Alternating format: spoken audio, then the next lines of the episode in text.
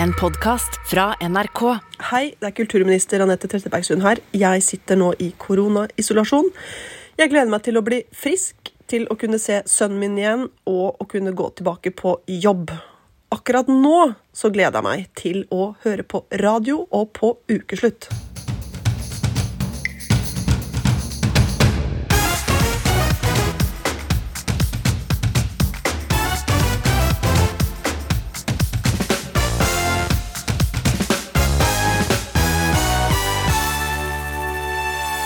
Velgerne har gitt oss tillit. Vi skal forandre Norge og verden. Har Støre og Vedum innfridd etter 100 dager? Når kommer den nye E6-en i Gudbrandsdalen? Hvorfor strøm er dyr? Det er katastrofe. Sitter du inne med et spørsmål, så send det til ukeslutt at nrk.no. Så svarer kanskje statsministeren eller finansministeren deg om litt. Espen Rostrup Nakstad er smittet og isolert. Og Nytt på Nytts Johan Golden sitter i karantene. Og vi skal høre snart vi fra begge to idet det er smitterekord i landet. Og er du singel og kanskje blitt litt eh, rusten i sjekkinga? Linni Meister har datet på TV, og hun gir sine beste råd. Det er bare å slå seg ned. Så er det litt vann. Jo, takk for det. Druer hvis du vil ha. Ja. Velkommen til ukeslutt. Mitt navn er Synnøve Svabø, og vi skal også avlegge Ukraina og Gotland et besøk denne lørdagen.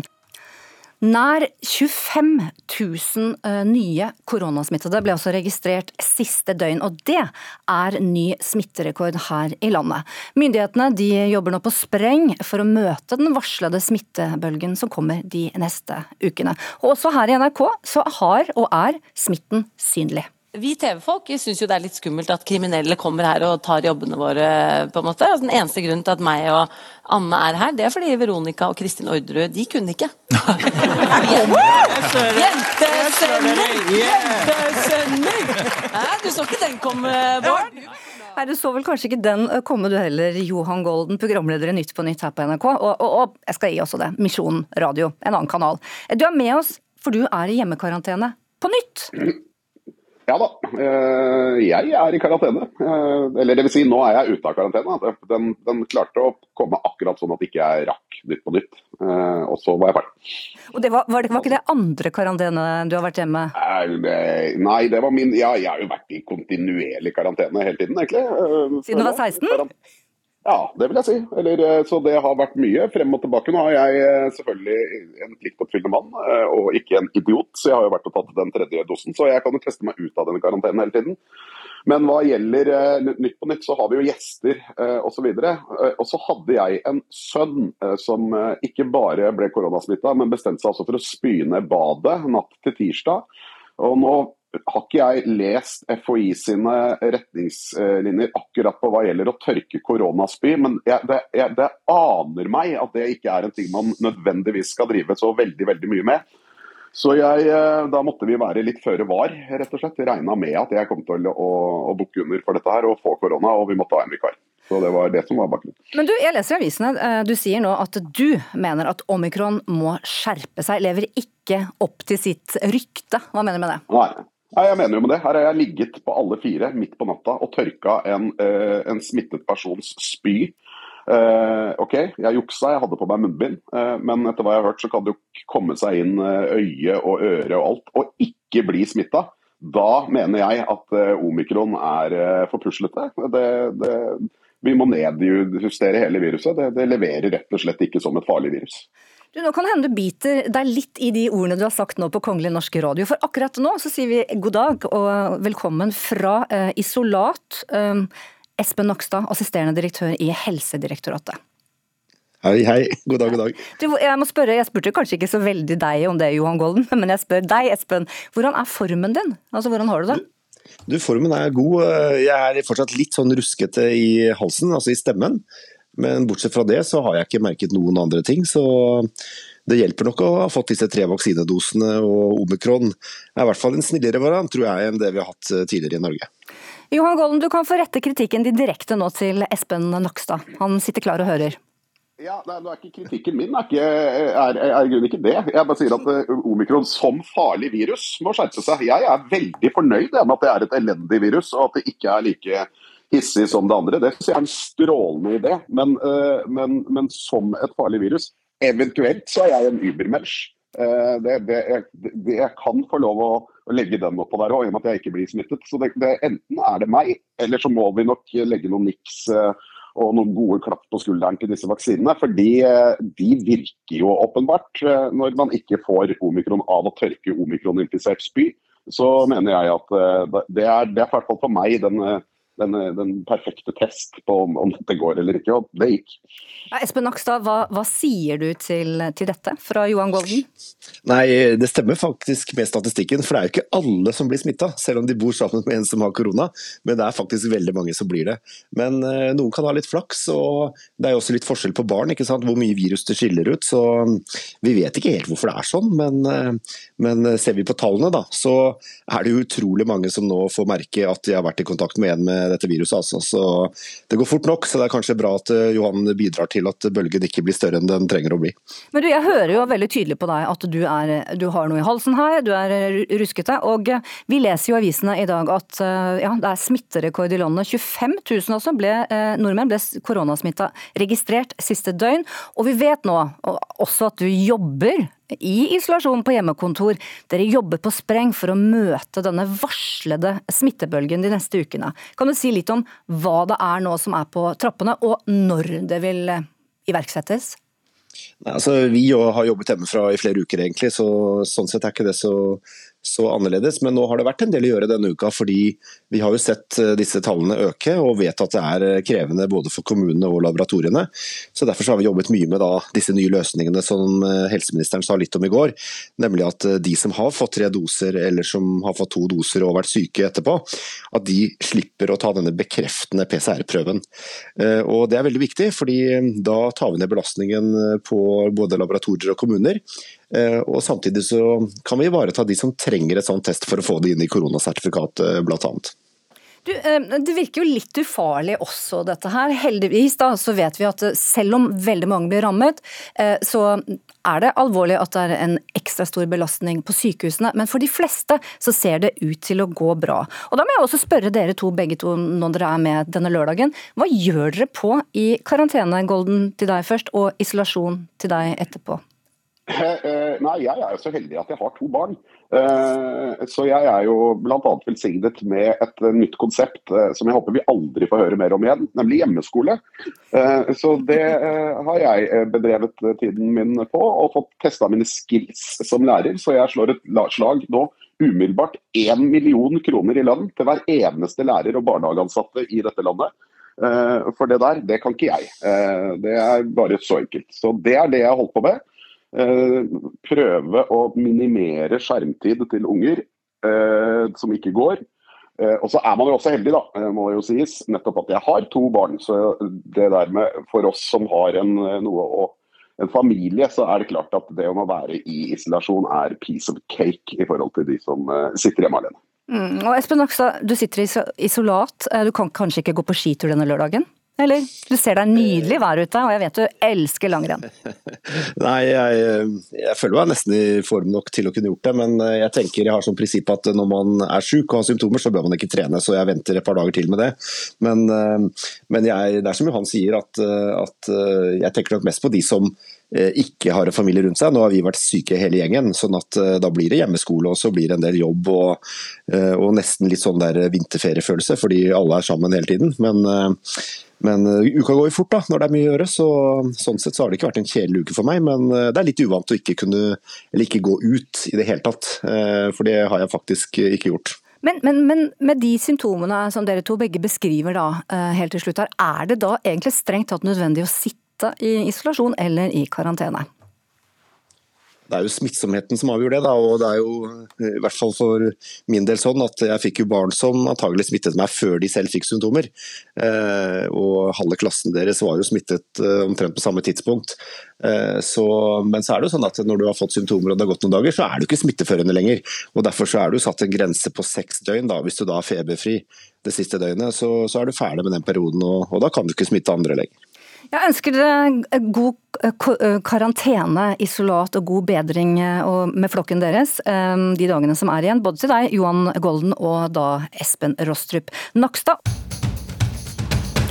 Så skal vi videre, for i studio nå så har jeg fått besøk av én som vet hvordan man kan trene opp luktesansen, og en som har mistet luktesansen etter å ha hatt korona. For Studier de viser at rundt 20% av alle som får korona, de opplever tap av smak og luktesans mens de er syke. Og For noen varer dette lenge, men den gode nyheten er altså at man kan trene opp luktesansen og få en sixpack på halsen, nærmest da. Programleder Jannicke Widen, velkommen til Ukeslutt. Tusen takk.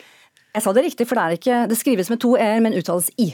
Det er helt riktig. Amerikansk, vet du. Ja. Du, du startet 2022 eh, med koronasykdom. og Når og hvor raskt merker du at du ikke har luktesans? Uh, jeg eh, var syk. Det gikk fire dager før jeg testet positivt. Uh, og så gikk det tre dager etter uh, at jeg testa positivt. Så på dag syv cirka så mista jeg bare våknet opp og tenkte at noe var rart. Jeg skjønte ikke hva det var. Nei, nei. så, og, og, da har du altså ikke luktesans, og du har ikke smakssans òg? Nei, ikke i det hele tatt. Jeg merket det fordi jeg drakk en kopp kaffe, og det eneste jeg syns er negativt med kaffe, er den eimen som legger seg i ganen. Og plutselig så var det det eneste jeg hadde i munnen når jeg drakk kaffe. Og sånn fortsatte det? Ja. Og dette har det blitt eh, humor av for de som følger deg i sosiale medier. For eh, du tester altså chilisaus, du tester sjokolade med samme resultat. Det stemmer. Men du, eh, vi har da hentet inn det ypperste Norge kan by på når det gjelder å svare da på hva kan man gjøre hvis man har mistet luktesans og eventuelt smakssans. Det er altså velkommen til deg, professor og overlege Sverre Steinsvåg øre, nese, hals ved Sørlandet sykehus og Haukeland universitetssykehus. Det er ikke hvem som helst. Takk skal du ha. Du, du har altså behandlet pasienter i årevis som har mistet luktesans pga. andre typer virusinfeksjoner. hva er det som skjer her når, når Jannik altså mister um, luktesansen? Eh, vi har ulike typer virus som angriper luktenerver, altså sansenerver. Eh, og covid-virus er en av disse virustypene. Så, så disse virustypene de ødelegger eh, hos en del mennesker disse luktecellene, altså disse sansecellene som skal bringe eh, luktestimuli fra nesen og innover i hjernen, der de skal oppfattes. Mm. Men heldigvis da godt nytt. Det kan, om ikke helt, så kan det trenes ganske brukbart tilbake? Ja, altså det meste i kroppen kan trenes. Jeg går nå rundt på to krykker for å trene opp et kre. Ehm, og nervevev viser seg også ehm, kan trenes. Mm. Det er noe som man starta med i Dresden for eh, en del år siden. Det tyngste forskningsmiljøet i Norge i dag det er St. Olav. Eh, og dette handler om å, å stimulere nervevev. Eksponere det for lukter som man i utgangspunktet har et visst forhold til. F.eks. kaffe eller parfymer eller ja! Eksponeringsterapi. Eksponeringsterapi. Det, fordi det står jo rett foran deg her. Ja. Eh, og, og, nå skal du da altså, Jannicke Widen, ja. programleder, få lov til Jeg er veldig opptatt av å ikke si feil nå, vet du. Eh, få lov til å teste litt. Jeg gir ordet over til professor og overlege Sverre Steinsvåg. Du kan få da styre disse råvarene som nå står på bordet. Hva, hva syns du hun skal begynne først med? Altså, Kaffe er noe som de fleste har eh, et forhold til. Ja. Noen mener at det er viktig å ha det man skal lukte på i en væskeform, altså i en oljeform. men det det går greit med f.eks. kaffe. En nyåpna pose med kaffe. Er, dette, er denne nyåpna? Ja, den er helt Det er ingen andre som har tatt på den enn du. Nei, nei, den er nyåpna. Kanskje ikke så dyr. Luksus. Eh. Og jeg vet ikke om det gir, gir, gir deg noen som helst opplevelse. Nei, vet du hva, Det føles mer ut som jeg bare får pulver i nesen. Nå, nå, skal jeg si Du putter nebbet helt ja, nede i posen. Nei, men det er, det er din pose. Men det er ikke noe sånn finlukting her. Det er virkelig Nei, eh, det, det lukter et snev av gjødsel. Ja. Ja. Og så en annen ting som man kan prøve, som, som er ganske, ganske vanlig, ja. og så kan det være nyttig å prøve, det er peppermynte. Ja. Og så fikk jeg et tips her også. Det hadde vi ikke. Nei, det hadde vi ikke. Så fikk jeg også et eh, tips her fra en en vinsmakerekspert om at det å lukte på pepper ja, det. Å, Gud, men da nyser jeg vel, da. Det, ja, da, det er bare Det blir god, god lyd. litt sånn vidensk DNA utover. Ja, men, men, det handler bare om å prøve å finne fram til noe lukter som du har et visst kjennskap til fra før.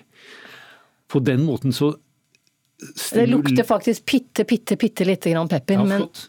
Du, Vanligvis når man trener styrketrening, så skal man ta samme liksom, intervall la oss si 15 ganger, og så ganger tre. Er det litt måten å trene på her? Finn deg fire-fem ting og tren i intervall, da. Ja. Ja, Og eh, Hvor lang tid vil du si? handler det om å lukte la oss si tre-fire minutter per objekt. selv om jeg ikke lukter noe? Ja, to Ja, ja. ganger daglig. Du, jeg tenker også at du får, eh, Hvis alle fotballtrenere rundt om i landet hører på nå, så sier jeg bare For jeg har en gang fått 16 fotballdrakter og sokker til vask fra hele laget. Altså send det rett til Videns. nei Nei takk. merker ikke forskjell. jo. Nei, det pepperet det lukter ikke sånn eh, Fordi det kan Pepper syns jeg til vanlig kan gjøre litt vondt å lukte på, men det Nå kan jeg jo dra det inn i nesen, liksom. Men hvis du kan finne noen eh, ting Ja. som lukter litt, Ja. så ser det ut til at det er lurt å begynne å lukte på. Altså Salmiakk, eh, det er ikke den husmor som ikke kan fortelle hvor sterkt det lukter. Det etser jo nærmest, og Ja. du får tårer i øynene. Så Vedens, jeg har altså Lividens, ja. gitt deg en egen flaske med salmiakk der, som du nå kan lukte på. Hvis ikke fordi eh, Sverre sa da vi satt ute her at Ja, den har litt salmiakk barnesikring. skal man ikke helt eh, drive og Bare snorte. prøv. Ja. Bare prøv. Å gud, den lukta Oi! Du lukta den, ja? Ja. ja. eh, Og så du lukter du salmiakk. Ja, det gjør det. Ja. Mm. Så du kan jo ta så tynne ut den litt. Grann. Her er det fest, det er lørdag! Shit, den, var, den er jo virkelig Den går rett i øynene. Ja, men den er, den er ganske sterk, altså, så du bør tynne ut den litt. Grann. Men, men det er allikevel da, da er det altså noen nerver som fungerer bra her. Ja. Det, er et, det er et veldig godt utgangspunkt. Hvorfor fungerer den ikke på salmiakken? Altså, dette handler nok om styrke på luktstimuli å gjøre. Det er husmorgenet. Ja, ja, ja. Nei, for at jeg hadde, Hvis ikke noe hadde lukta, så har jeg denne parfymen her. som Når jeg har den på på jobben, så kommer det folk fra Halden og overalt her eh, på huset og sier å, få lukte på deg, det, du er så deilig. Det lukter som vi er på taxfree-en. Den lukter så sterk. Og så den kan du, den, Ja. det, er, det er en dødare, vil jeg si. Hvis du ikke lukter den. Lukter du den? Nei. Du lukter ikke den. Nei, det Nei, det lukter ingenting. Altså, men er det litt selektiv duft her? Det er fordi at hun lukter jo liksom Den, lukter veldig sterkt, f.eks. Ja, men kan ikke du lukte Pepper på lukter jo også litt sånn sterkt? Ja. Den lukter eh, veldig godt. Jeg skjønner for Ja, godt at folk kommer fra Halden over alt ellers for å lukte på det. Ja. Men, eh, men igjen, eh, hvis du klarer å finne noen ting som du har en luktopplevelse lukteopplevelse av, Mm. så er det lurt å starte med det. Ja. For det gir signaler som går innover hjernen. Og nå sitter jo folk i karantene eller isolat og frykter kanskje denne lukte, at de skal miste luktesansen. Så da er jo dette tiden, når du først sitter der alene, og bruk den godt. Begynn ganske tidlig med det. Sett av kanskje et kvarter et par ganger i løpet av dagen. Da. Hva vil du si kan konsekvensene bli hvis du da dessverre ikke skulle få tilbake luktesansen? Ja, det er ille. Altså Tap av lukt og smak det er eh, et veldig undervurdert handikap. En del mennesker slutter å spise. De har ingen gode opplevelser av mat og drikke. Og de går ned i vekt, og, eh, og det går utover allmenntilstanden deres. Sånn at det er kjempeviktig, i den grad det er mulig, å, eh, å gjøre noe med lukt og smak. Mm. Frykter du det? Ja, fordi akkurat nå så føler jeg bare at jeg går rundt med et slags nebb som ikke det er bare følelser, det er ikke noe sensasjoner. Nei. Og du liker å være sensasjonell. Vet du hva, det gjør jeg. Du tar med deg salmiakken, du. Den er vel lunt. Og så hjertelig takk for denne informative, jeg vil kalle det for, ikke en doktorgradsavhandling, men en mini, mini der. Eh, Professor overlege Sverre Steinsvåg og Jannicke Widen. Takk skal dere ha. Som dere kanskje vet, så har eh, kronprinsessen og jeg fått en liten datter, en prinsesse. Velkommen til de nye barnesidene våre. Håper du liker det. Skal jeg si det? Ja. Hei. Jo. Velkommen til Barnesidene. Vi håper du liker dem. Jeg gleder meg til litt med den der friheten å kanskje kunne reise alene og kjøre bil og de tingene der. Det gleder jeg meg veldig mye til. Som enhver annen 18-åring, men samtidig ikke. I går ble vi litt bedre kjent med prinsesse Ingrid Alexandra da hun ga to intervjuer i forbindelse med myndighetsdagen. Men hva drømmer andre norske ungdom om på sin 18-årsdag? Reporter Elin Fossum hun spurte ungdommer på Lillehammer. Ta lappen, kanskje. Få litt mer sånn frihet, da. Kunne få kjøre litt mer rundt og Drikke alkohol er én ting, for å få endelig lov til å bestemme over deg selv. Eh, Det er jo en annen veldig veldig stor ting, i hvert fall for meg personlig. Hva er det du gleder deg aller mest til med å bli 18 år? Det er jo å kjøre. Cruise rundt, kjøre, ha det artig. Lage anlegg bak i bilen, bob på pub.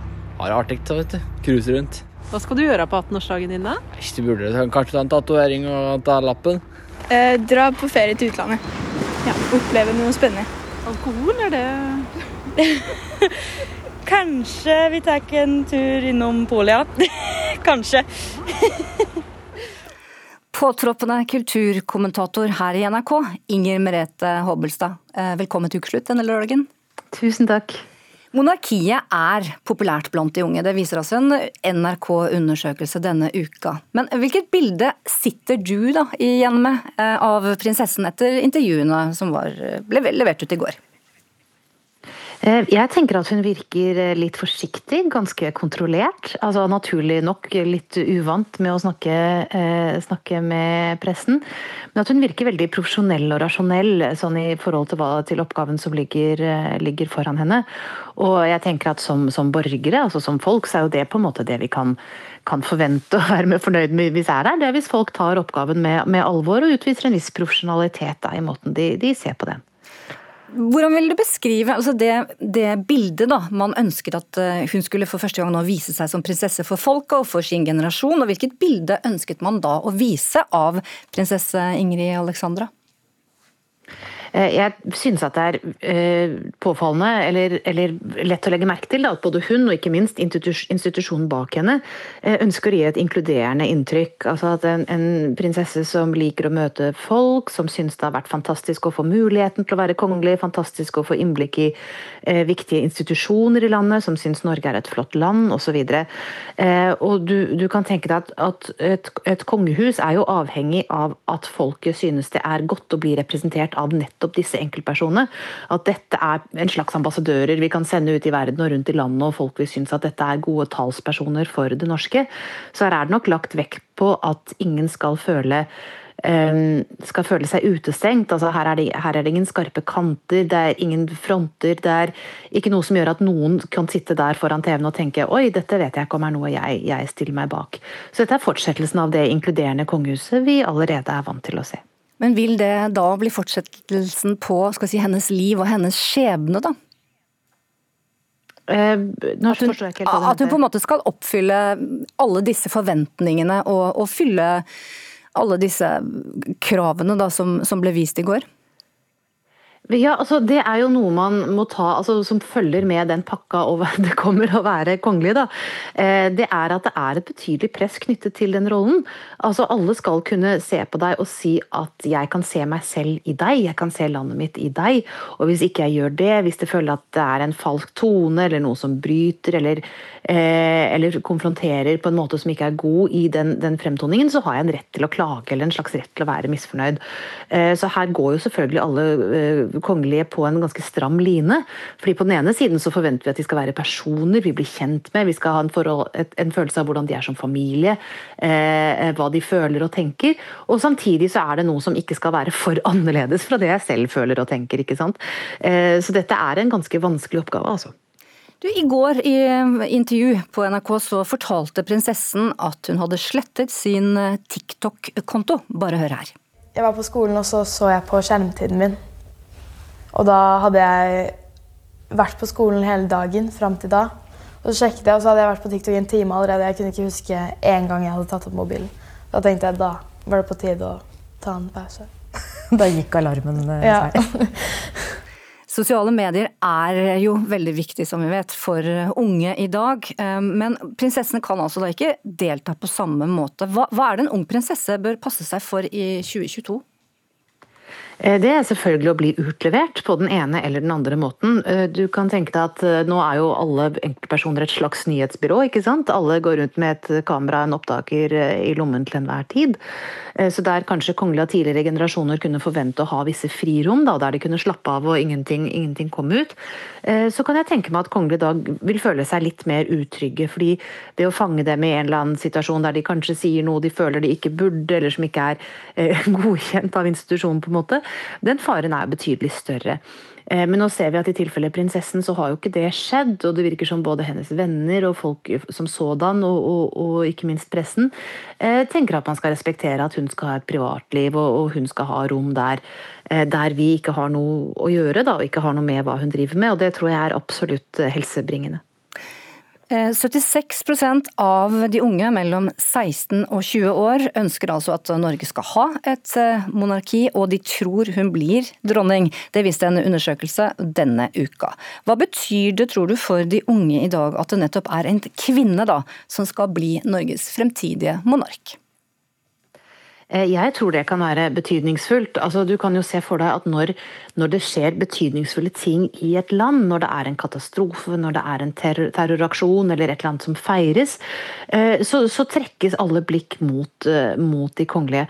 Else Kåss Furuseth sa jo det under sendingen av intervju med prinsessen i går, at når det er, står noe på spill, så hører hun stemmen til kong Harald, og så tenker hun at nei, alt blir bra, kongen er på en måte på saken. Og, og det at den autoriteten, ikke bare i Norge, men også i andre land, kommer til å has av en kvinne. At det vil være den alle venter på for å høre hva kommer representanten for, for hele Norge, da, hele landet, til å, til å, si at vi skal tenke og føle i denne situasjonen. Eh, det tror jeg absolutt har en betydning, ikke minst for unge jenter som vokser opp og, og ser at uh, dette er helt naturlig. Tusen takk for at du stilte i Ukeslutt, Inger Merete Hobbelstad, altså påtroppende kulturkommentator i NRK. Sverige er dratt inn i den sikkerhetspolitiske krisen rundt Ukrainas veivalg. Og lengst øst i Østersjøen ligger den svenske øya Gotland, som et landfast hangarskip for vestlige tropper. Vi snakket nettopp med Eva Bofride, som er lederskribent i Gotlands Tidninger, og spurte henne om hvordan det ser ut på Gotland akkurat nå. Soldater som går patruljerer bevæpnede soldater. Det har også rullet en hel del stridsvogner på eh, våre veier. Vi har jo hatt eh, mye militære her. Fram til for bare noen titall år siden hadde vi fire regimenter her. og ständiga övningar och så, så att vi er vana med den här närvaron. Att de, att de åker längs med vägarna och att det skjuts väldigt mycket från övningar och så. Men nu är det ju ett helt annat läge och det är klart, det är ju inte någon uh, rolig situation, men de flesta tror ju inte att Ryssland kommer att angripa Gotland. Det tror jag inte, utan det gäller med att man är oro, orolig vad som händer i omvärlden och, och hur det kan påverka oss mer i, i andra hand som en konsekvens. Ja, det sa Eva Bofride på Gotland eh, til oss i ukeslutt eh, nå for en kort stund siden. Men i Ukraina så er trusselen om angrep fra Russland litt mer overhengende. Og Olaf Saksegård, du er bosatt i Ukraina, nærmere Poltava. Hvordan påvirker denne stadige trusselen folk i Ukraina? Ja, Landet har jo nå vært utsatt for en krig i åtte år. Eh, så det er jo ikke noe nytt, dette med trussel. Men trusselen har jo nå et helt annet omfang enn den har hatt før. Og um, selv om folk eh, som du, man ser på gata oppfører seg helt normalt, men eh, rundt middagsbordene så er det um, mye prat om denne faren fra nordøst. Og eh, det, vi, det, vi, det, vi, hører om, det er jo mennesker som prøver å sjekke ut hvordan er situasjonen i bomberommene nå. Um, men på en annen side, de, det er ingen som i dag hamstrer mat. Og dette skyldes at det er ingen som vet i hvilken form Russland vil angripe Ukraina. At de vil angripe, det tror jeg nok, men jeg tror ikke det vil bli i form av militært eh, inngrepen, men gjennom andre terror- og cyberkrigangrep. Takk skal du ha, Olaf Saksegård. Så har vi da kalt inn oberstløytnant og forskningsleder ved Stabsskolen på Forsvarets høgskole. Velkommen hit, Tormod Heier. Takk for det. Du, som du hørte, så er ukrainere nå svært opptatt av hva president Vladimir Putin vil finne på. USAs president sa jo tidligere at han tror Russland vil angripe Ukraina, men hva tror du? Ja, jeg er vel kanskje blant de som ikke tror at eh, russerne vil angripe. Eh, I hvert fall ikke sånn eh, i en sånn klassisk konvensjonell storkrig. Og Grunnen til det er fordi at det vil bare ha motsatt effekt i forhold til det Putin ønsker å åpne. For han ønsker jo å få amerikanerne så langt unna sine egne grenser som mulig. Eh, men hvis han angriper Ukraina, så vil jo det bety at eh, Ukraina, og Georgia, og Finland og Sverige f.eks. vil bli veldig redde for Russland, og dermed intensivere sitt eget forsvarssamarbeid nettopp med USA. Som igjen vil bety at amerikanerne vil fått mye bedre påskudd for å kunne komme inn i disse landene og dermed true Russland. Så det vil i så fall eh, undergrave akkurat de interessene som Putin selv er ute etter. Så akkurat nå, da nærmer seg ett på en lørdag. Hvordan, eh, er han fornøyd med Putin? Eller han, hvilket, hva blir hans neste trekk? Jeg tror han er forsiktig optimist. Han er i utgangspunktet veldig fornøyd med det hele tatt å fått amerikanerne til et slags forhandlingsspor. For dette er jo noe han har snakket om siden 1990 og hele 2000-tallet, om at eh, han ikke er fornøyd med at russerne er så nærme nei, at ikke amerikanerne er så nærme de russiske grensene. Så nå sitter han og venter på eh, tilbakemelding fra Blinken, den amerikanske utenriksministeren, hvor han kanskje kan komme med noen, eh, noen innrømmelser som også ikke bare tenker på Ukrainas rett til selv å bestemme hvor de vil høre hjemme, i øst eller vest, men også som kanskje hensyntar noen av de russiske sikkerhetsbekymringene. Men er det fare for da at all denne sabelraslingen som vi ser, for å vise styrke, eh, plutselig kan bli en væpna konflikt, og hvorfor? Ja, Det er jo noe mange er bekymra for. og Jeg er ikke bekymra for det heller. Og Grunnen til det er fordi at både amerikanske og Nato-styrker i vest og russiske styrker i øst de er veldig profesjonelle, de er godt trent, de opererer innenfor en veldig sterk og klar og tydelig kommandokjede, slik at politikerne på begge sider av grensen har nokså god kontroll med sine militære styrker. De som utgjør eventuelt usikkerhetsmoment, slik jeg ser det, det er jo disse opprørsgruppene i Øst-Ukraina, som ikke er underlagt disse strenge kommandokontrollkjedene. De eh, er det knyttet mer uforutsigbarhet til, tenker jeg da. Ja, for si, altså Disse sikkerhetsgarantiene eh, Russland, vedrørende Russland vil jo da eh, altså eh, gjelde ikke bare Ukraina, men også Sverige og Gotland. og Har svenskene noe å frykte, som du ser det? Ja, det har de ikke, de har ikke noe å frykte på et russisk eh, angrep mot Gotland eller Sverige. Men det svenskene har grunn til å frykte, det er at man kan risikere at amerikanerne og russerne inngår et slags eh, avtaleverk som gjør at det kan bli vanskeligere for Sverige og Finland å ytterligere fortsette den integrasjonen av sine egne forsvar inn i eh, Nato-allierte og amerikanske forsvarsplanverk. Og Det vil jo være en veldig begrensning på svensk sikkerhet, fordi mange av deres nasjonale forsvarsstyrker de er helt avhengig av eh, amerikanske og allierte forsvarsunnsetninger, og da vil det kanskje ikke bli like lett.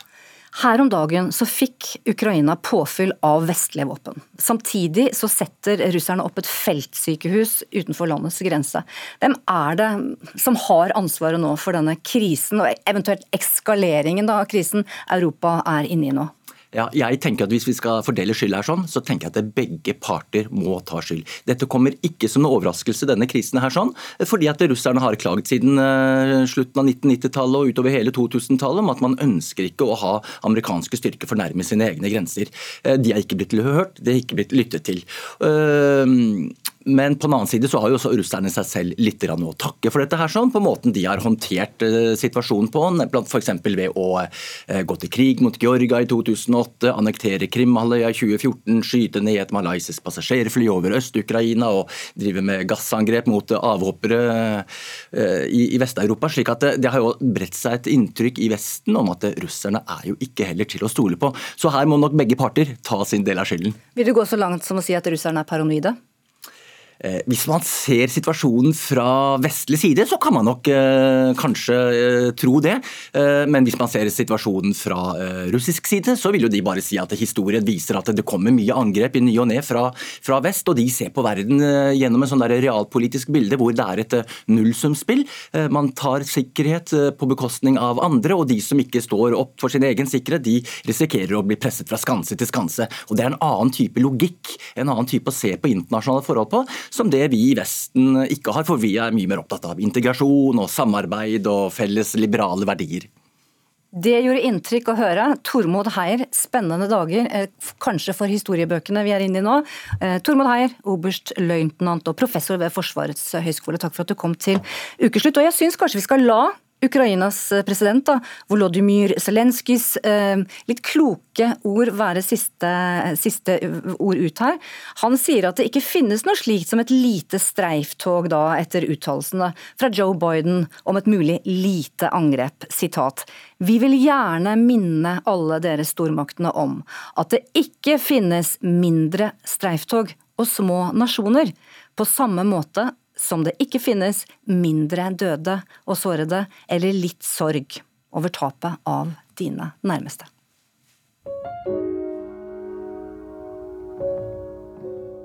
Mens Joe Biden torsdag kunne krysse av for ett år som president i USA, så kan altså statsminister Jonas Gahr Støre i dag hake av for nøyaktig 100 dager som landets øverste leder, og også da Trygve Slagsvold Vedum som finansminister. Men det har slett ikke vært en lett oppgave, og ikke alle har latt seg overbevise. Jeg har ikke merket noen forskjell i hvert fall. Eh, det er blitt mye diskusjon om korona og sånn. Syns strømprisen har gått over alle støvleskaft. Alt som skulle bli billigere, har jo ikke blitt billigere. Som å si oppe i Gudbrandsdalen, so far so good. Enkelte ting i forhold til uh, koronasaken går litt sakte, men uh, ellers er det vel ganske greit, syns jeg.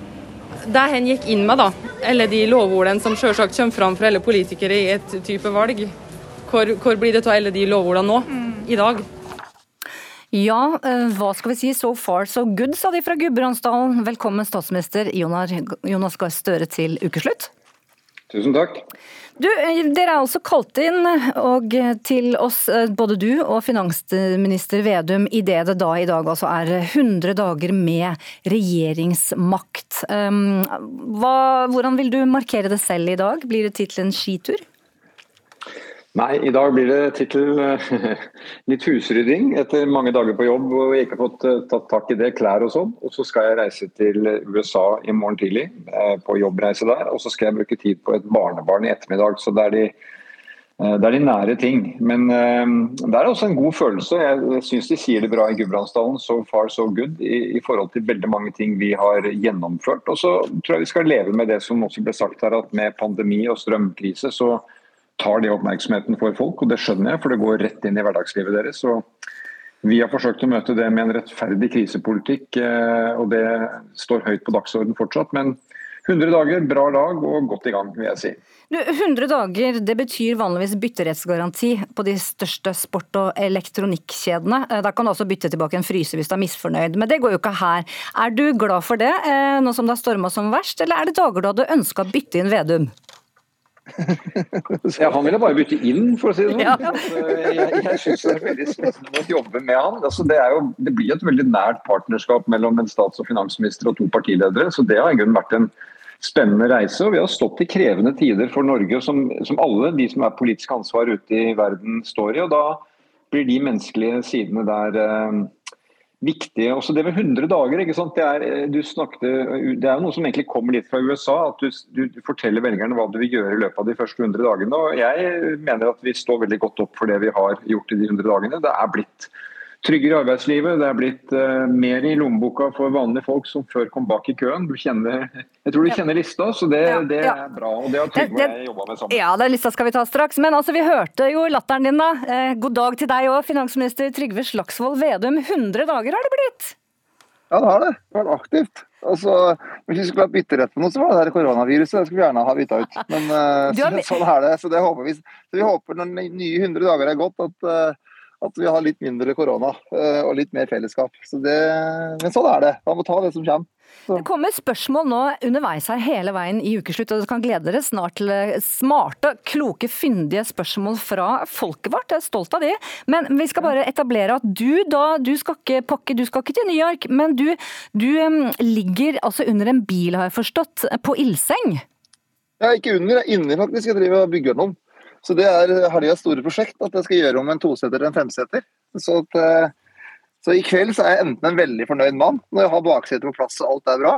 Hvis ikke så blir jeg litt skuffa. Men jeg tror jeg skal få det til. da. Så det er å, det har hatt som plan i hele høst, men jeg ikke hatt tid. Men nå, så nå driver jeg, akkurat nå sitter jeg faktisk inne i bilen og driver småskrur, og så hører jeg litt på ukeslutt. Så det er en fin, fin måte å tilbringe lørdag. Og er ja. happy, fordi nå vet vi alle at det er innført vegetarmat i statlige kantiner i hovedstaden, men det blir vel da feiring på finansministeren med en blodig biff til sjølveste storbonden i kveld? jeg skal ha bursdag, så jeg vet ikke helt uh, Med under ti gjester, da. Jeg håper snart det er slutt òg. Men uh, i kveld så vet jeg ikke hva de skal servere, men jeg regner med at det er mye varme og hyggelig i hvert fall. Så, Ja. at, uh, så det, det, det er alltid koselig å være på bursdag, så jeg håper det Men at det er kjøtt der, det tror jeg. Jeg håper det, da. Men ja. det, det fisk er også godt, så jeg er glad i det meste, jeg. Akkurat her og nå så har vi i Ukeslutt med oss statsminister Jonas Gahr Støre og finansminister Trygve Slagsvold Vedum. For nå er det klart for at eh, disse to, som da, ifølge NTB i avisen i dag, har innfridd eh, ikke alle av 40 punktene. Syv punkter er ikke innfridd, 13 er delvis innfridd, 20 er innfridd av 40 punkter da, som dere lovet eh, denne regjeringen skulle innfri på 100 dager. Men det gjør da at kanskje mange av disse spørsmålene dreier seg nettopp om disse tingene som ikke er helt i mål ennå. Og Støre, jeg anmoder da at vi, vi, vi, har, vi bruker ikke minutter her på svarene, for vi vil jo rekke flest mulig. Er det en god avtale, gutter? Kjempebra. Ja, og da kaster dere både dressjakka og slipset og er litt mer hva skal vi, løs og ledig denne lørdagen. Her er folkets spørsmål. Og da begynner jeg med, eh, for det har kommet veldig mange spørsmål her med hva dere definerer som vanlige folk. Så, så Støre, um, hvem av eh, Norges innbyggere er vanlige folk? Det er folk som lever vanlig liv, går på jobb, eh, avhengig av eh, mye av det velferdssamfunnet vårt stiller opp med. Helse, eh, utdanning. Det er de som ikke sto først i køen i åtte år med Erna og Siv, da det ble store skattekutt til de med mest. Folk som har hatt middels og lavere inntekter, som nå får skattekutt. Billigere barnehage, billigere SFO, billigere å pendle. Eh, De som eh, ikke er blitt sett godt nok eh, gjennom åtte år, de blir sett av oss. Det er vanlige folk. Men da spør Toril Maurseth Olsen, ser du meg, Støre? For hvordan forklarer du da sammenhengen mellom utsagnet 'nå er det vanlige folk sin tur' og dagens strømpriser? Det er en stor europeisk kraftkrise som bl.a. skyldes det som skjer i Ukraina med gass, som gjør at gassprisene fyker i været. Det er, det er veldig mange krevende sammenhenger der. Det treffer alle husholdningene i Norge. og Da har vi sagt, eh, Trygve og jeg og vår regjering, at eh, det må vi gjøre noe med. Og vi har kommet opp med en helt ny ordning som aldri fantes før, for å hjelpe vanlige folk og husholdningene til å ta litt av den store regninga. Så jeg ser henne, eh, og vi har jobbet intenst med det for å få noe som vi kan praktisere, som lar seg gjennomføre, og som syns på strømregninga. Du, jeg regner da også med at du kanskje ser Erna Solberg, for hun har stått fram i avisen i går og sagt at um, eh, målingene nå som viser et fall for dere i Arbeiderpartiet på 3,9 og tilbakegang Senterpartiet 2,6, eh, det er nettopp at eh, velgerne reagerer på måten denne regjeringen håndterer korona og ikke minst strømkrisen på. Er Erna Solberg for selvgod? Jeg syns ikke det er riktig for en statsminister å gi karakteristikker, men det er en utgående statsminister som har sittet i åtte år, ikke gjorde ett slag for å gjøre noe med disse strømprisene, avgiftene, innretningen på det. eh, eh, Som nærmest avviklet eh, koronapandemien. Nå var vi ferdig med den i august. Jeg tror folk følte at nå lå det bak oss. Og Jeg bryr meg ikke så mye om det egentlig annet enn å si at vi skal møte det som kommer. Og Når vi får en kjempesmittsom variant av pandemien, så må vi stille opp for den. og det ja, Det har vært krevende, særlig overfor de unge som fikk innskrenket ungdomstiden sin eh, uker de burde få leve på grønt nivå, som vi sier. Men eh, hun får si hva hun gjør. Vi sitter på jobben og tar ansvar, og det er det jeg tror Trygve og jeg er opptatt av. Du, eh, Finansminister Trygve Slagsvold Vedum, ditt første spørsmål dreier seg også egentlig da om strøm. Det er Elin Ariansen som spør hva er det som hindrer dere i staten nå å innføre makspris på strømmen? Ja, det første vi gjorde når vi kom i regjering, det var at vi som ville begynne å merkes nå fra januar, februar og mars, at vi satte ned avgiften på strøm med 47 det, det vil hjelpe litt. Og så er jo den sikringsordningen som vi har gjort, det vil i praksis nesten bli en makspris for folk. fordi at da når staten skal ta 80% av kostnadene over 70, 70 øre, så vil det jo gi en helt annen trygghet. Men så er jo ikke, det var en helt ny ordning som vi lagde i november-desember, for det var ikke gjort noe jobb fra forrige regjering. og da må vi se hvordan det fungerer, og det virker som det fungerer godt, at folk får det ut. Og så er jo målet til Arbeiderpartiet og Senterpartiet er at vi skal klare å få kontroll på strømprisene. Sånn at vi ikke trenger å ha alle mulige sånne tiltak. og Derfor bl.a. det grepet gjort på avgift. Så Vi er ikke fornøyd med de strømprisene vi har nå. for Vi ser at det rammer folk, rammer industri, eh, og er opptatt av å gjøre nye grep. Men eh, Men jeg får ta én ting av gangen. og Det viktigste jeg først var at de fikk på plass sikringsordningen, så ikke strømprisene blir alt, altfor dyre. For det er litt skremmende hvor, hvor, hvor dyre strømregningene har blitt for folk nå. Og jeg merker jo selvfølgelig det sjøl òg. Men du, nå skal vi til Gunn Severinsen. Hun er opptatt av litt andre ting. For at hun skriver Trygve eh, Slagsvold Vedum, du har jo lett for å dra på smilebåndet og le i mange settinger. Som finansminister er det vanskelig å la være å gjøre dette når du snakker om veldig alvorlige saker som har stor betydning for folk. Ja, jeg tror det er så ha, Noen ganger så blir det litt misforstått det der å ha en lys grunntone og det ikke ta ting på det største alvor. for at uh, Alle de beslutningene du tar eh, som statsråd eller som partileder òg, så ser du for deg folk, eh, hvordan det rammer og er utrolig opptatt av det.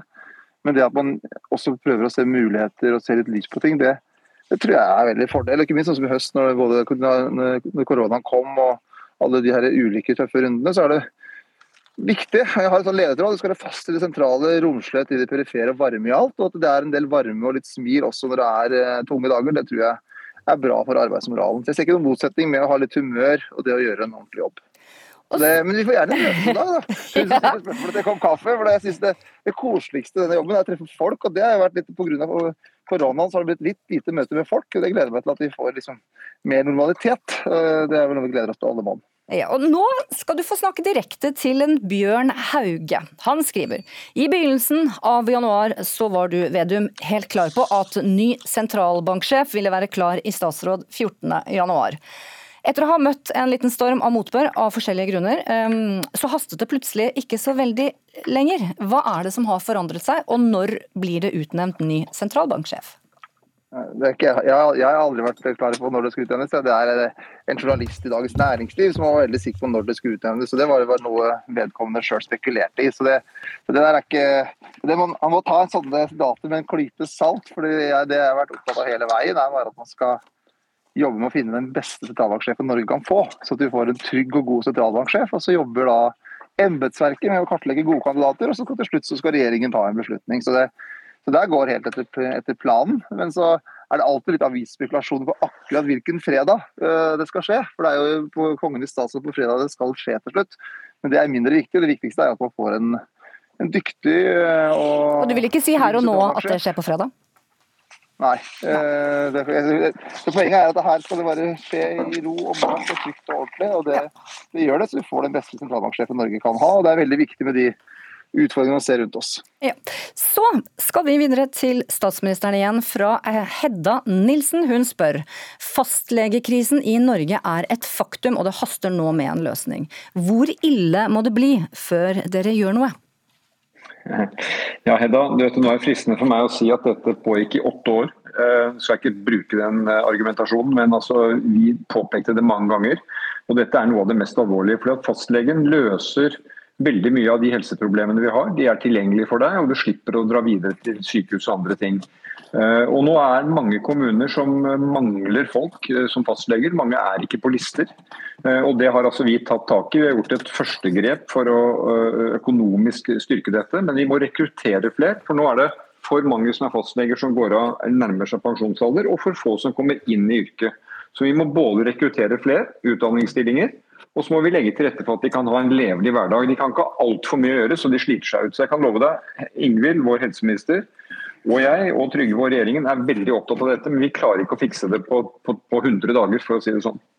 Så Neste spørsmål det er til finansminister Vedum, og det er fra Frank Amundsen på Atløy. Han spør når blir det gratis ferge i utkantene? Kort svar. I løpet av året. Eh, vi har satt av de første 30 millionene til det, så det kommer til å bli mange ferjesamband utover året. Så sikkert løpet av sommeren høsten, tenker jeg. Som, eh, når man har lagd systemet som eh, får gratis ferjer. Så penga er på plass, og så nå bare jobbe med å få systemet i gang. Så, så i september i hvert fall, jeg er helt sikker på at det skjer før òg, men man jobber med det akkurat nå. Men, men det skjer i løpet av året. Gjelder det alle ferger i Utkant-Norge?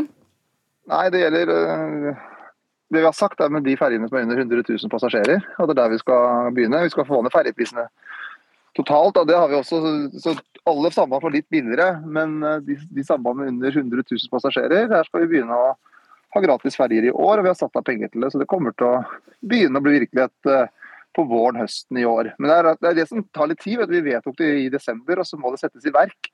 Så mange av de tingene som man vedtok i desember settes i verk i løpet av året. Bl.a. det med at det blir en del gratis ferjesamband. For vi er opptatt av at prisene for folk som er avhengig av transport skal ned. Og pendlere f.eks. også vil merke det at det, kostnadene ved pendling vil også gå ned for alle uansett hvor du bor i Norge pga. bedre pendlerfradrag. Men det, ting, ting, rulles i gang nå. Nå syns jeg vi begynner å få en fin flyt. Det går raskt i gruppa, kortere svar. Og dere vet jo, i NRK så har vi jo tradisjon på åtte timer direktesendinger politikk på 60-tallet, så her er det bare å henge med.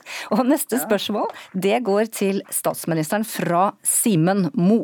Hvorfor er det så vanskelig for Arbeiderpartiet å holde valgløftene uh, som de går høyt på banen med i valgkampen. Jeg tenker på oppløsningen av Viken. Nå har jo et samlet Arbeiderparti i Akershus, deriblant personer som skrev under på Hurdalsplattformavtalen, snudd, og vil beholde Viken. Dette til tross for at det var enighet i plattformen om at Viken skulle oppløses. Det er tre eh, gamle fylker da, som ble slått sammen med tvang. Det var vi mot. Stemte mot tre ganger. Akershus, Østfold og Buskerud. Eh, og De skal behandle denne saken. Eh, og Så er spørsmålet om, da, om å få en søknad om oppløsning. og Det kommer vi til å innvilge regjeringen. Så I Arbeiderpartiet så går det litt den demokratiske veien. At de som er på lokale nivå, de skal få si hva de mener. Og Det er vi prosessen er oppe i nå. Den respekterer jeg, respekterer jeg og følger med på. Så tror jeg det skal bli en god løsning til slutt. Og da er vi slik på tid at vi har eh, tid til ett spørsmål, og det går til Trygve Slagsvold Vedum, finansministeren. Fordi um, altså fylkesoppløsning skulle jo være parademarsjen din, men som vi skal høre litt senere, ganske straks her i ukeslutt faktisk, så har dette bydd på demokratiske utfordringer, bl.a. i Innlandet fylke. Fordi eh, man skal ha en rådgivende folkeavstemning der i februar.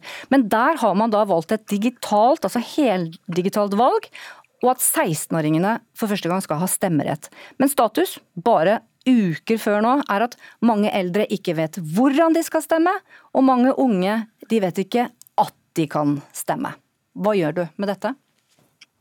Jeg synes det er veldig synd at man ikke har lagt til rette for eh, fysisk avstemning i tillegg. Eh, det er jo min mening at man også blir gjort det. Men det er fylkene som bestemmer det. Så det, så det kan ikke jeg gå inn og overstyre. Men jeg mener man burde lagt til rette også for å på rådhusene rundt omkring at de som da ikke har uh, trygghet rundt å velge digitale løsninger, kunne gått og stemt der. Uh, men så Norge er sånn oppdelt at selv om vi har mye makt i regjering, så har vi ikke makt overalt. Så det er fylket sjøl som har valgt det her en ren digital løsning, men jeg syns det er dumt. og Jeg er veldig bekymra også i mange sammenhenger at en del av spesielt eldre folk som ikke er trygge på digitale løsninger, blir litt på utsida. Så, ehm, så det, Hadde jeg hatt makt over det, så skulle det også vært bestemt at det skulle vært eh, fysisk mulig for de som eh, ønsker å avgi stemmen fysisk. Men eh, det, det, er det fylket som har tatt den beslutningen. Jeg håper at de hører på det så kan de tenke, tenke seg om og si at det, også de eldste skal kunne få muligheten til å si sin mening. Og Det blir også ganske straks mer om det her i Ukeslutt. Men med det så takker jeg dere begge to, statsminister Jonas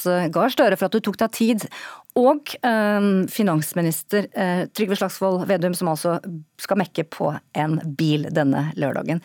Og som vi eh, hørte nettopp da i samtalen med eh, statsminister Støre og eh, finansminister Vedum i ukeslutt, så er opp oppløsningen av fylker høyt oppe på radaren de neste 100 dagene.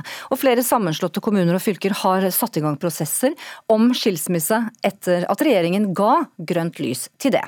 Innlandet fylke skal ha en rådgivende folkeavstemning nå i februar. De har valgt et heldigitalt valg, og at 16-åringer skal ha stemmerett. Men status bare uke før er at mange eldre da altså ikke vet hvordan de skal stemme, og reporter Elin Fossum hun møtte også mange unge som ikke er klar over at de også kan stemme. Har Hadde ikke hørt om det engang? Nei, har vi muligheten til det? Er vi gamle om det? Ja, ja da, da, gjør vi det, fordi ja. Da kan det godt hende. Jeg ser for meg at jeg hadde gjort det, da, for det er viktig å få ja. med meningen sin. ikke sant? Mm -hmm. Ja, Emilie, Mia og Kaja ved Lillehammer videregående skole og alle som fyller 16 år i år, er invitert til å avgi stemme. Det har fylkeskommunen bestemt. Jeg syns det er veldig bra. Da får vi liksom også muligheten til å være med og bestemme noe som har veldig mye med oss å gjøre. Hurdalsplattformen lovde at tvangssammenslåtte kommuner og fylker kunne splittes, men Arbeiderpartiet er ikke enig med seg sjøl. Nå er skuffelsen i Senterpartiet stor etter at Akershus Arbeiderparti vil beholde Viken. I Innlandet var det en utbryter fra Arbeiderpartiet som sørga for én stemmes overvekt for folkeavstemning. Senterpartiet sier de heller vil ha folkeavstemninger enn at lokalpolitikere avgjør. Og i Innlandet er også 16- og 17-åringene med, men det er bare snaut tre uker til valget starter. Eh, nei, jeg har ikke hørt om det. Da må jeg nesten vite noe om saken før jeg kan stemme, ellers så blir det litt dumt. Nei. Jeg er ærlig, ja. Jeg gidder ikke å engasjere meg i det. Eh, nei, det visste jeg ikke. Jeg visste heller ikke det. Mens Vegard 2, han var klar.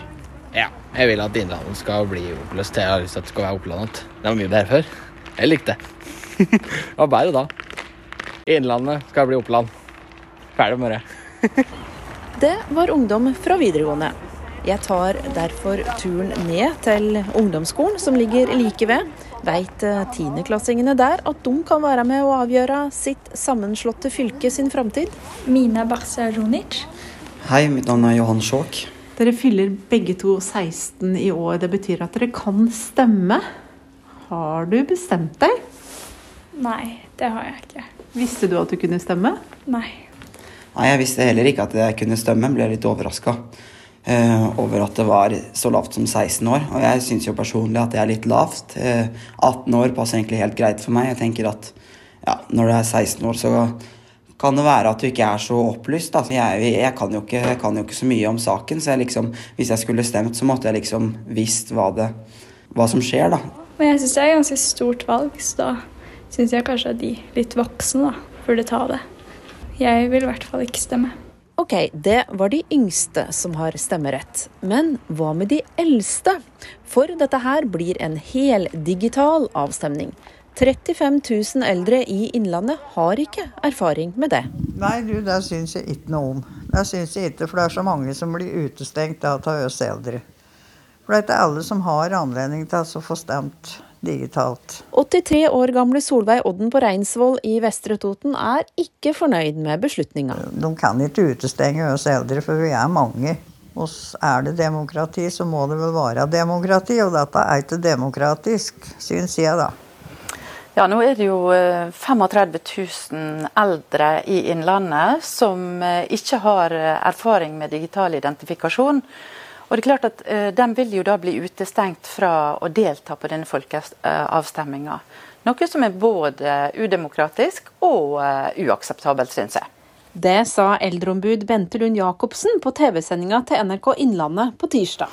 Jeg mener jo at alle må få lov til å møte opp uh, et sted, i et stemmelokale, i kommunene sine, og avlegge stemmeseddel uh, i ei stemmeurne, som de er vant til ved andre typer valg. Så her har vi kanskje to grupper som faller utenom sin demokratiske rett. Og i tillegg så har valgstyret i Innlandet sagt at innbyggere som sjøl ikke klarer å stemme digitalt, fortrinnsvis bør få hjelp av egne pårørende. Så da må de gamle gå til de unge for å få hjelp. Her er fylkesvaraordfører i Innlandet, Aud Hove. Det handler om at, at, dette her må gjennomføres i kommunene. og Det har vært mye bekymring i forhold til det med elektronisk avstemming, og det har ført til mye usikkerhet. Og dette der å da oppfordre pårørende og ja, hjelpe bestemor å stemme, f.eks., kan jo være med å avhjelpe situasjonen for kommunene det ikke blir så vi kan stemme slik vanlig, vi eldre, så jeg vet ikke. Ja, da får jeg vel gå på en av disse unga og få dem til å hjelpe meg. Men det er ikke alle som har den muligheten. Det er det ikke. Nei, da både forventer oss og tror oss og vet oss at kommunene kommer til å stille opp. For oss har et ansvar for at folk skal få stemt. Og da kommer kommunene til å ha tilgjengelig PC og folk til å være med og hjelpe, slik at de eldre får, stemt. da. Jeg kan jo forestille meg at det er vanskelig med digital eh, for de som er eldre og ikke på en måte har lært det. Når de, har, de har ikke vokst opp med det. Er det noen av dere som må hjelpe foreldre eller besteforeldre med digitale utfordringer? Ja, når jeg kommer på besøk, så må jeg alltid hjelpe med å sende en melding eller finne emojier eller Ja, jeg må hjelpe ganske mye og søke på apper og ja. Nei, det er masse ting de ikke klarer, som vi må hjelpe med. Så hva er da likevel rådet fra ungdommene til dem som skal ha folkeavstemning? Bør 16- og 17-åringene få være med? Altså, det er jo litt bra, da, fordi vi har liksom meninger, vi også. Hva tenker du? Nei, Jeg tenker det samme, for det er veldig mange tanker selv om du er ung.